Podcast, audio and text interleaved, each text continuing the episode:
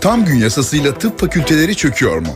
Üniversite hastanelerinde çok sayıda profesör istifa etti, bazı bölümler hoca olmadığı için kapanma tehlikesi altında. Hemşire eksikliği ve biriken borçlar da cabası. Halkın Sesi bugün tam gün krizini ve sağlık alanındaki sorunları konuşuyor. Görüşleriniz ve sorularınız için NTV Radyo Halkın Sesi telefon numarası 0212 335 47 20. Elektronik posta adresi ise halkinsesi@ntv.com.tr. Halkın Sesi. NTV Radyo İstanbul stüdyolarındayız efendim. Halkın sesiyle bir kez daha sizlerle birlikteyiz. Tam gün yasasını bugüne kadar epey bir konuştuk. Ee, bizimle birlikte olan izleyicilerimiz bunu hatırlayacaklardır. Ee, ve tam gün yasasını konuşurken de genellikle e, tam gün yasasının halka yansıyışını konuştuk. Elbette ki hekimlere yansıyışı çok farklı. Hekimlerin bundan etkilenişleri çok farklı.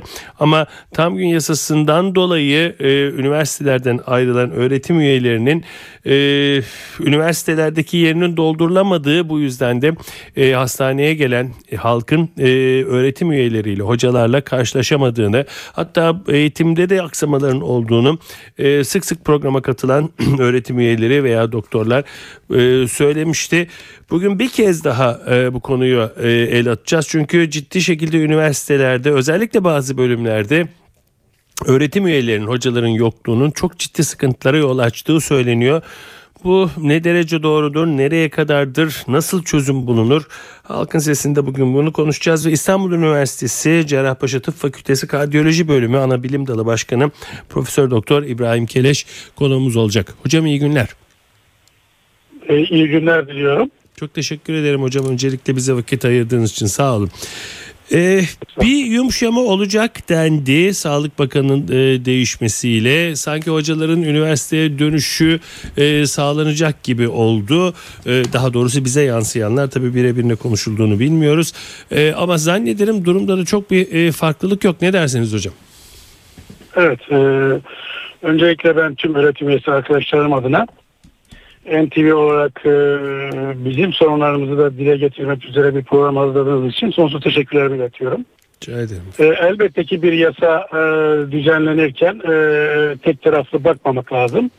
E, halka verilecek hizmet düşünülürken, düşünülürken e, bu hizmeti yürütecek ve yapacak olan e, kesimin de dikkate alınması e, doğru olan davranış şekli olacaktır elbette ki. Dolayısıyla e, sağlık hizmetlerini veren özellikle tıp fakültelerdeki öğretim üyelerimizin sorunlarıyla ilgilenmek e, başta e, Yüksek Öğretim Kurulu ve e, e, idarenin yani üst yönetimin ve Ankara'nın bu konulara değinmesi gerekiyor elbette ki. E, Sayın Bakan'ın değişmesi ve gelmesi e, bizim için bir ümit kaynağı oldu. E, umuyoruz ki e, bir takım yenilikler e, dikkate alınacaktır. Ee, Sayın Bakanımızın da e, bizim özellikle Cerrahpaşa'dan mezun olması ve kimlerin sorunlarını İstanbul e, gözüyle bakarak e, biliyor olması bir ümit ışığıdır. Ama henüz daha açıklanmış e, yenilikler söz konusu değil elbette ki. Peki e, ne olursa e, ne olabilir hocam? Yani beklentileri gerçi çok konuştuk şöyle olsun böyle olsun diye ama gördüğünüz e, çözüm önerileri veya ortaya atılan konuşulan e, çözüm önerileri neler?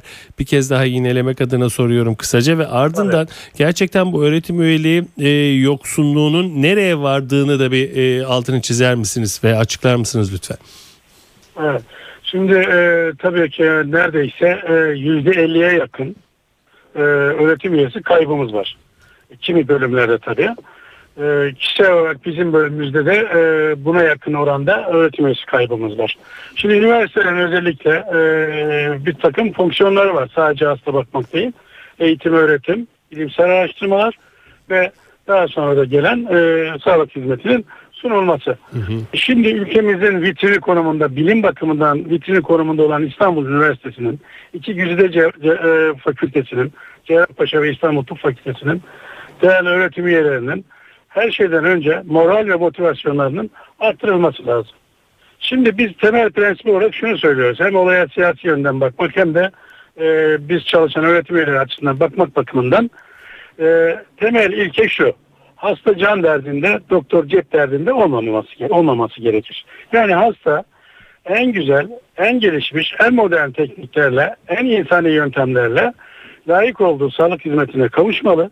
Hekimler de sosyal konumları gerek, gereği ve uzun ve yorucu bir süreçten geçerek mesleklerini icra etme yolunda olan hekimlerin de e, e, maddi olarak tatmin edilmeleri gerekiyor. Bunu devletin sağlaması lazım. Aksi takdirde malum üniversitelerden şu gün yaşadığımız e, durumları yaşar duruma geliriz ve birçok öğretmenimiz de maalesef üniversiteden ayrılmış durumdalar.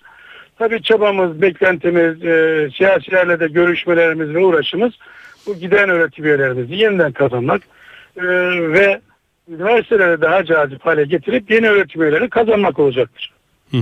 Peki e, ne kadar umut var bunun için hocam? E, ben e, Sayın Bakanımızın ve ilgililerin e, bizlerin e, ızdırabına çözüm olacak e, bir e, anlayışla bakacaklarına inanıyorum. Bir çaba içerisindeler. Zaman zaman bizlerle de görüşüyorlar. Biz de sorunlarımızı kendilerine anlatıyoruz. E, bir iyi niyet söz konusu.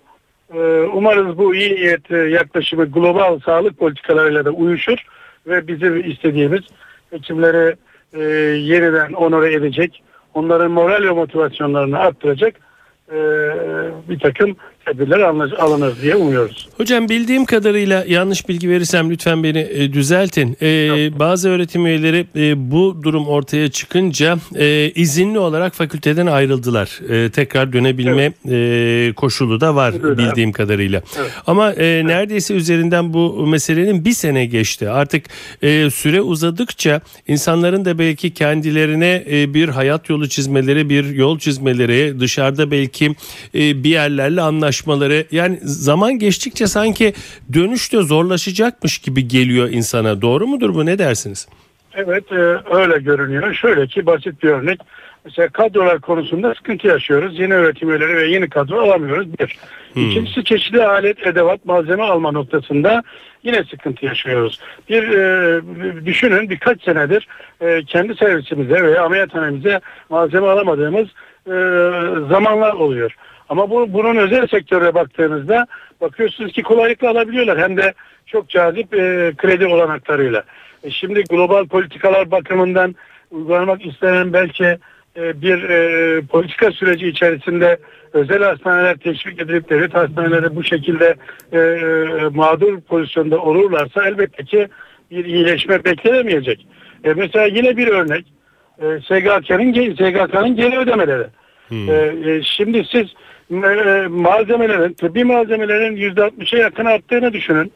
Bu- Bugün öyle %60'a yakın tıbbi malzeme fiyatında artış var. Ama bunun geri ödemesine baktığınızda, e, SUT'a baktığınızda e, hala 6 yıldır, 5-6 yıldır e, sabit fiyat ödemesi var. E, siz üniversite olarak e, veya tıp fakülteleri olarak nasıl gelirlerinizi arttıracaksınız? Bir yandan öğretim üyelerinizin sayısı artmış, bir yandan poliklinik sayınız azalmış. E, geliriniz de bunun orantılı olarak yarı yarıya düşüyor. Ama e, yani e, bence e, benim kanaatim e, ilgililerin mutlaka İstanbul Üniversitesi'nin yöneticisi durumunda olan Cerrah ve Cerrahpaşa ve Ç- İstanbul Tıp Fakültelerinin mutlaka e, özel bir e, e, uygulamaya sokularak e, ekonomik güçlerinin arttırılması ve bu bunun yapılmasıyla da öğretim üyelerimizin yeniden dönüşümü sağlayacak cazip unsurlar oluşturulması e, en azından ülke adına yapılması gereken önemli meselelerden biri olarak görüyorum şahsen. Hocam son olarak e, sonra öğretim üyelerinin fakültede kalıp sanki kendi muayenehaneleri gibi e, çalışması diye tanımlanan veya e, bize yansıyan bir çözüm önerisi var. Bu tutar mı sizce olur mu? Ee, yani benim kanaatim çok fazla e, ilgi göreceğini sanmıyorum. Hı hı. Kaldı ki kaldı ki e, dörtten sonra yapılacak muayenelerin bir getirisinin e, daha önce e, 14 Mart'ta tanımlanan e, ifadelerle çok cüzi ve düşük olduğu e, görülüyor. Bunun e, cazip e, olacağını ve öğretim üyelerimizin için çok kabul edilecek bir e, durum olacağını sanmıyorum. E, daha ciddi, daha ciddi, daha özgürlükçü anlayış ve daha değer verici bir anlayışla hekimlerimize e, yeni e, tedbirlerin alınmasında e, şahsen fayda gördüm. Peki Hocam son dedim ama benim e, soramadığım, söylemek istediğiniz bir şey varsa isterseniz onunla bitirelim. Ben tekrar etmek istiyorum. Bu politikayı temelde şunu düşün, düşünerek yapmak lazım. Asla hastalar mağdur olmayacak. Aynı şekilde hekimler de mağdur olmayacak. Yani hasta can derdinde, hekim de cep derdinde olmayacak. Hasta sağlığına kavuşacak. Hekim, hekim de ekonomik kaygısı olmadan gönül rahatlığıyla ülkesine, insanına, halkına, milletine hizmet edecektir. Peki.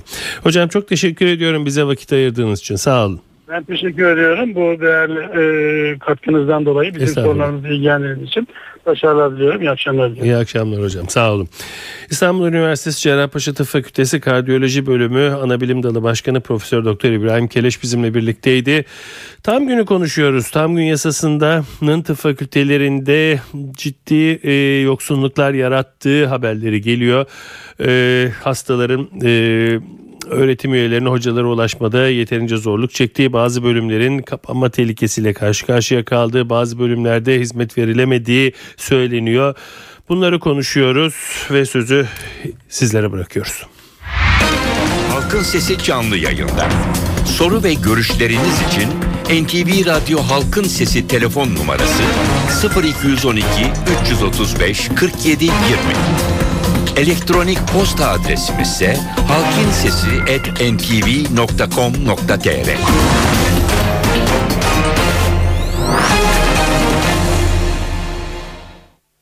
Halkın Sesi. NTV Radyo İstanbul stüdyolarındayız efendim. Halkın sesine devam ediyoruz. Dinleyici görüşlerle devam edeceğiz. Telefonlarınızı bekliyoruz. Her zaman telefonlar çok meşgul diye şikayet edenler varsa hemen telefon etsinler. Telefonlarımız şu anda müsait. Evet telefonlar çalmaya başladı.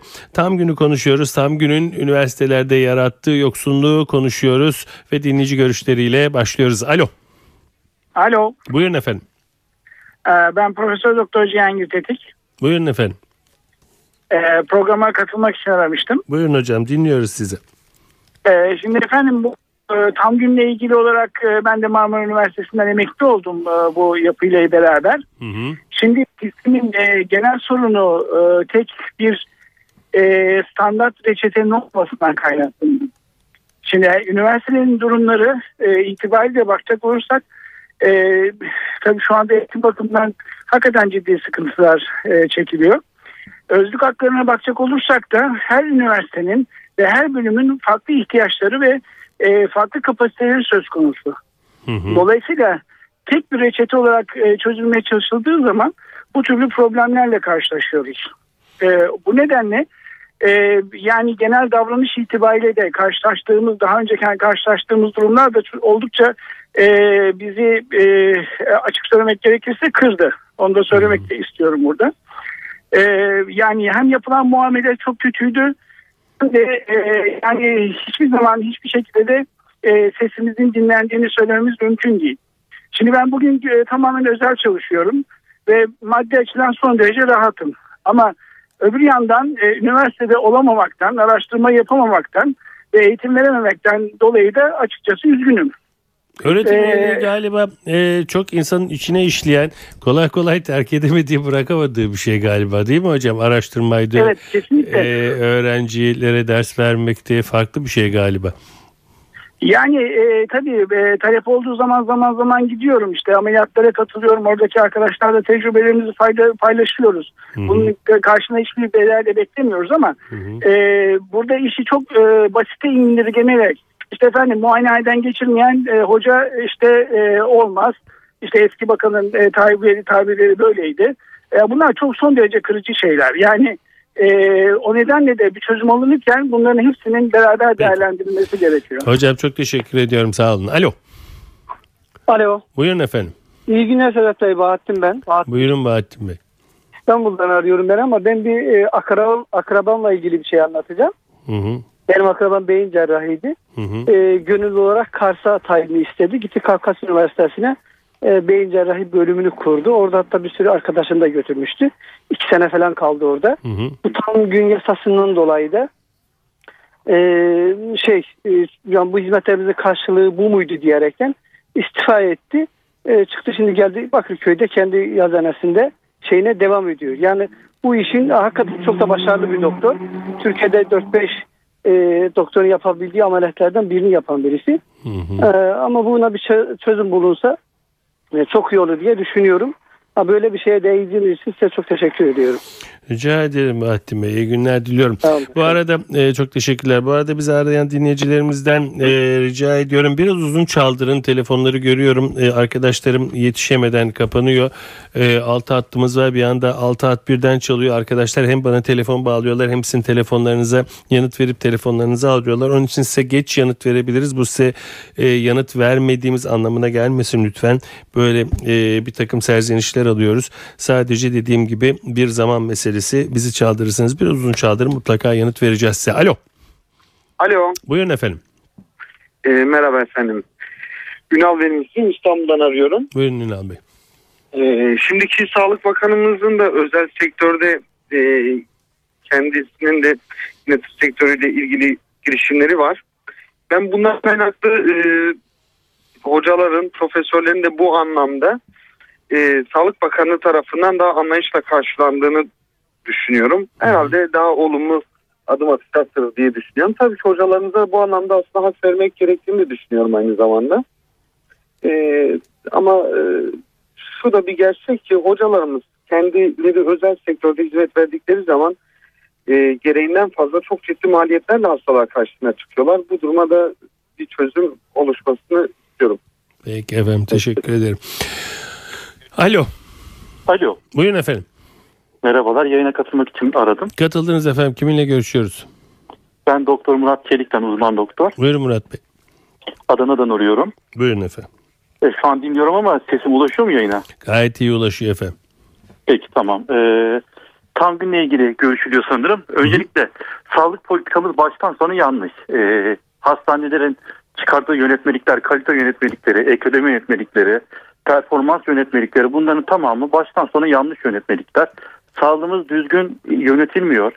Ee, sağlığımız oy kaygısıyla yönetiliyor. Bir, bir dünya aile hekimimiz oldu.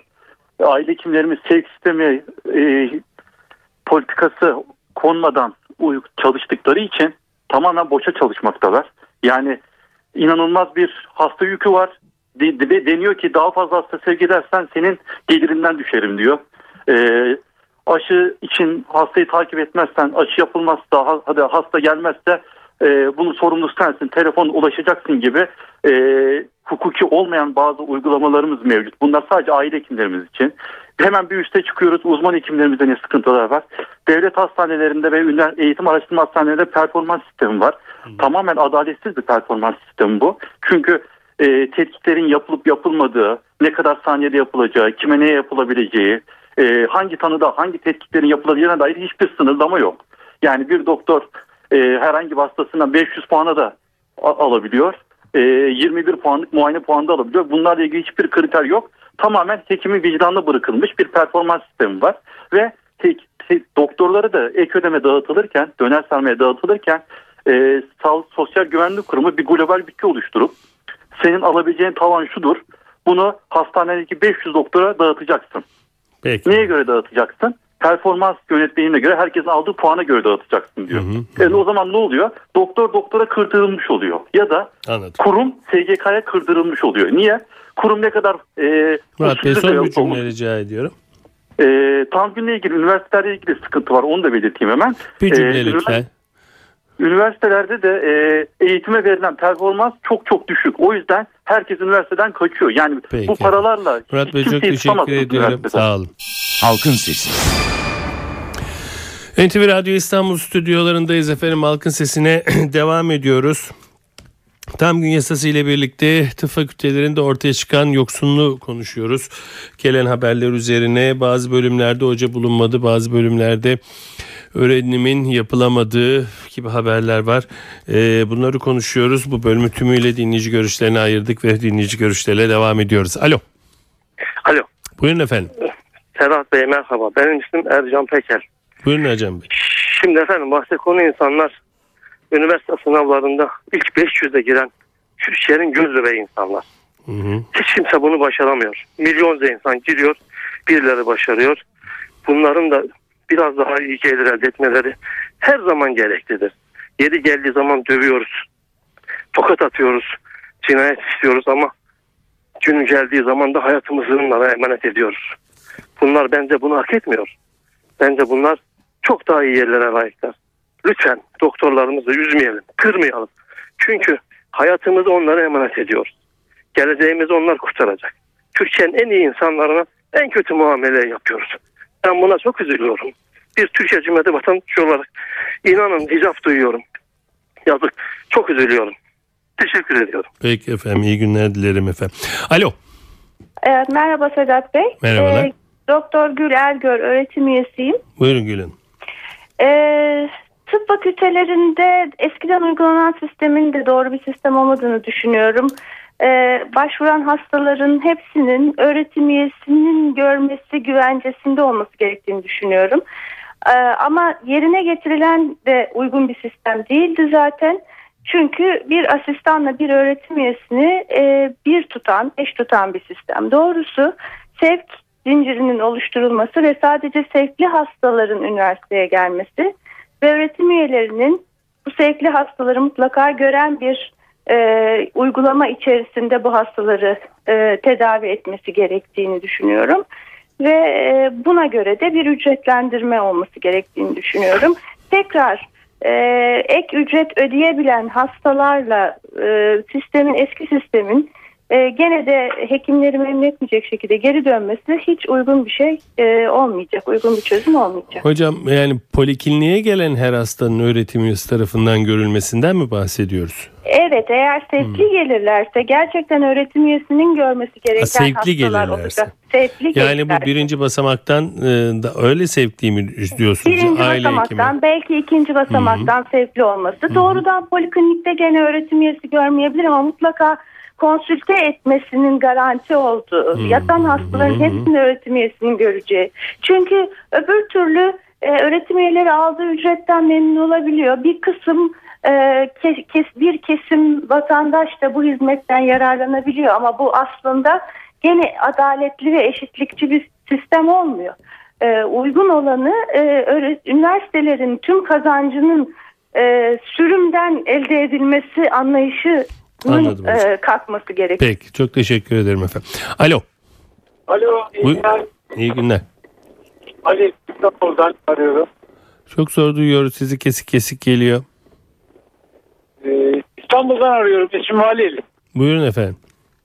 Ya, bu hocaların ben e, tam gün yasasında e, desteklenmesi istiyorum. Çünkü üniversitelerde hocalar olmazsa doktorlar nereden eğitim alacak? Yarın öbür gün çocuklarımız hangi doktora gidecek yani? Bu doktorları kim eğitecek? Sonra bir profesör 30-31 senede profesör oluyor. 30 sene bir emek. Bir yatırım. Ondan sonra e, bunun da bir sosyal hayatı var. En erken o- 30 senede profesör oluyor. Hı hı. Bunun da bir sosyal hayatı var. Bunu da kendini idam ettirmesi lazım. Benim 4 sene önce eşim rahatsızlandı. Param yoktu. Gidemedim muayenehanesine. Çapaya gittim. Baktılar, iyileştirdiler, çıkarttılar. Kimse de benden bir şey istemedi. O bu özel bir şey. Ben de profesörlerin hastanelere tekrar dönmesini istiyorum yani. Peki. Teşekkür ederim. Ben teşekkür ederim sağ olun. Alo. Sedat Bey iyi akşamlar. İzmir'den akşamlar. Saadettin ben. Buyurun. Her Sayın. zamanki gibi halkın ilgisini çeken konulara değinmeye devam ediyorsunuz. Sağ olun. Çok kısa bir şey söyleyeceğim. Ee, asıl olan iyi insanlar yetiştirebilmek ve vatana, yarınlara iyi insanlar bırakabilmek.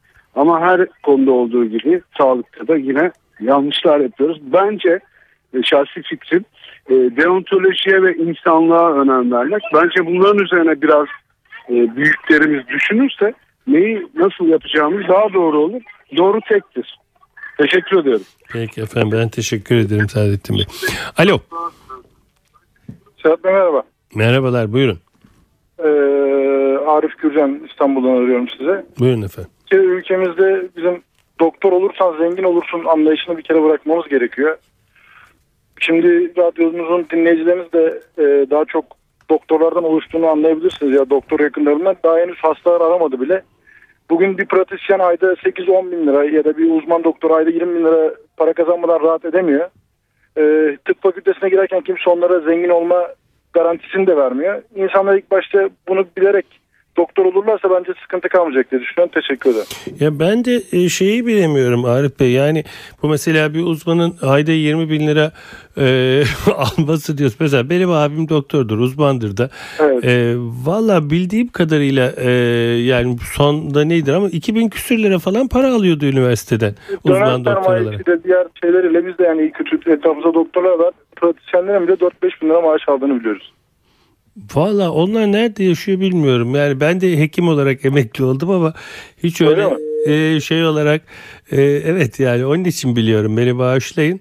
E, yani üniversiteden de emekli oldum ama hiç uzmanken doktora varken öyle sizin dediğiniz paraları hiç görmedim. Yani profesörken bile görmedim ama ne bileyim ben. Yani e, mesela e, emekli olmadan önce part time bir profesördüm ve ayda bin lira alıyordum. Yani yani neyse ve full time olan da zannederim 3-4 bin lira alıyordu. Neyse bunlar aslında para meselesi değil. Biraz işin öbür tarafına bakmakta yarar var. Teşekkür ederim efendim. Alo. Alo. Buyurun efendim. Ha, Sedat Bey merhaba. Ee, iyi yayınlar öncelikle. İyi günler efendim. Buyurun. Ee, ya size zaman zaman böyle bağlanıyorum. Daha fazla bağlanmak istiyorum ama her gün bağlanmak gerekiyor aslında. O kadar çok sorunumuz var ki. Ee, şundan bahsedeceğim. Hani doktorlarla ilgili son zamanlarda çok fazla e, yayın yapma gereği hissediliyor. Bence de çok doğru. Ee, bizim ülkemizde şu anda ne öğretmenler, işte ne doktorlar, ne mühendisler, e, ne de ülkeyi koruması gereken askerler şu anda bence çok olması gereken yerde değiller. E, bunlar bir ülkenin bence temel yapı taşlarıdır. Şu anda resmen e, işte paranız varsa tedavi olabilir duruma e, geldiniz. Kapitalist bir dö- e, duruma geldik artık. Yani üniversitelerde ya da normal devlet hastanelerinde gerçekten işler acısı bir, e, bir durum var. E, bence bu çok sistematik bir şey e, uygulanan. Ya paranız varsa hayatta kalacaksınız, paranız yoksa hayatta kalmayacaksınız durum var. Bundan iki ay evvel, üç ay evvel çok kısa bir e, örnekle yani sonlandıracağım. Başka bağlanmak isteyenler de vardır. Lütfen. E, anneannem Alzheimer Hastanesi Bakırköy Devlet Hastanesi'ne götürdük. E, inanın binalar arasında taşıyacak e, tekerlekli sandalye bulamadık. 97 yaşında kadını. Ben gittim arabayla sürekli binadan binaya dolaştırdım. E, yani devletin e, şu anda hastanelerin durumu bu. Yani, ya bunları sağlığı çok önemli hepimiz için bir çözüm bulunması gerekiyor. Ama bunun çözümü tabii doktor dövmek ya da doktoruna nasıl para mı kazanması değil. Daha rahat etsinler ki bizlere daha iyi imkanlarla baksınlar, e, ilgilensinler. Çok teşekkürler. Peki ben teşekkür ederim efendim. Alo. Alo. Buyurun efendim. Sedat Bey iyi günler. İyi günler efendim. Buyurun. Ee, e, Sedat Bey de biraz önce arkadaşımız bir 20 bin lira alıyor dedi de doktorlar için. Kiminle görüşüyoruz efendim? Ben Ziya Beşpınar. Buyurun Ziya Bey. Ankara'dan arıyorum. Hı hı. Ee, 20 bin lira alıyor dediler de ben Ankara'da taksiciyim. Hı hı. Ee, doktorların o kadar aldığını zannetmiyorum. Sizin dediğiniz gibi 2000 lira, 2500 lira, döner sermayeyle falan bilemeniz 3000, 3500 lira falan para alıyorlar. Hı taksici olduğumuz için sabahları en erken doktorlar gidiyor. Evet. Yani eee, o arkadaşımız 20 bin liraya çok abartmış yalnız. ya onun, onun tanıdığı doktor başka bir doktor galiba. Neyse teşekkür ederim efendim. İyi günler dilerim. Evet e, bugün de Halkın Sesi'nin sonuna geldik efendim. Çok teşekkür ediyorum arayanlardan, e, katılanlardan. E, tam gün yasasıyla birlikte tıp fakültelerinde oluşan yoksunluğu konuşulsun ve her zaman olduğu gibi sizin de bu konuda neler düşündüğünüzü öğrenebilme şansına eriştik. Evet doğanın dengesi yerinde oldukça ırmaklar yolunda aktıkça yarın Halkın Sesi'nde yine sizinle birlikte olmayı diliyoruz. Yapımda ve yayında emeği geçen tüm NTV Radyo ekibi adına ben Sedat Küçükay. Saygılar sunarım efendim.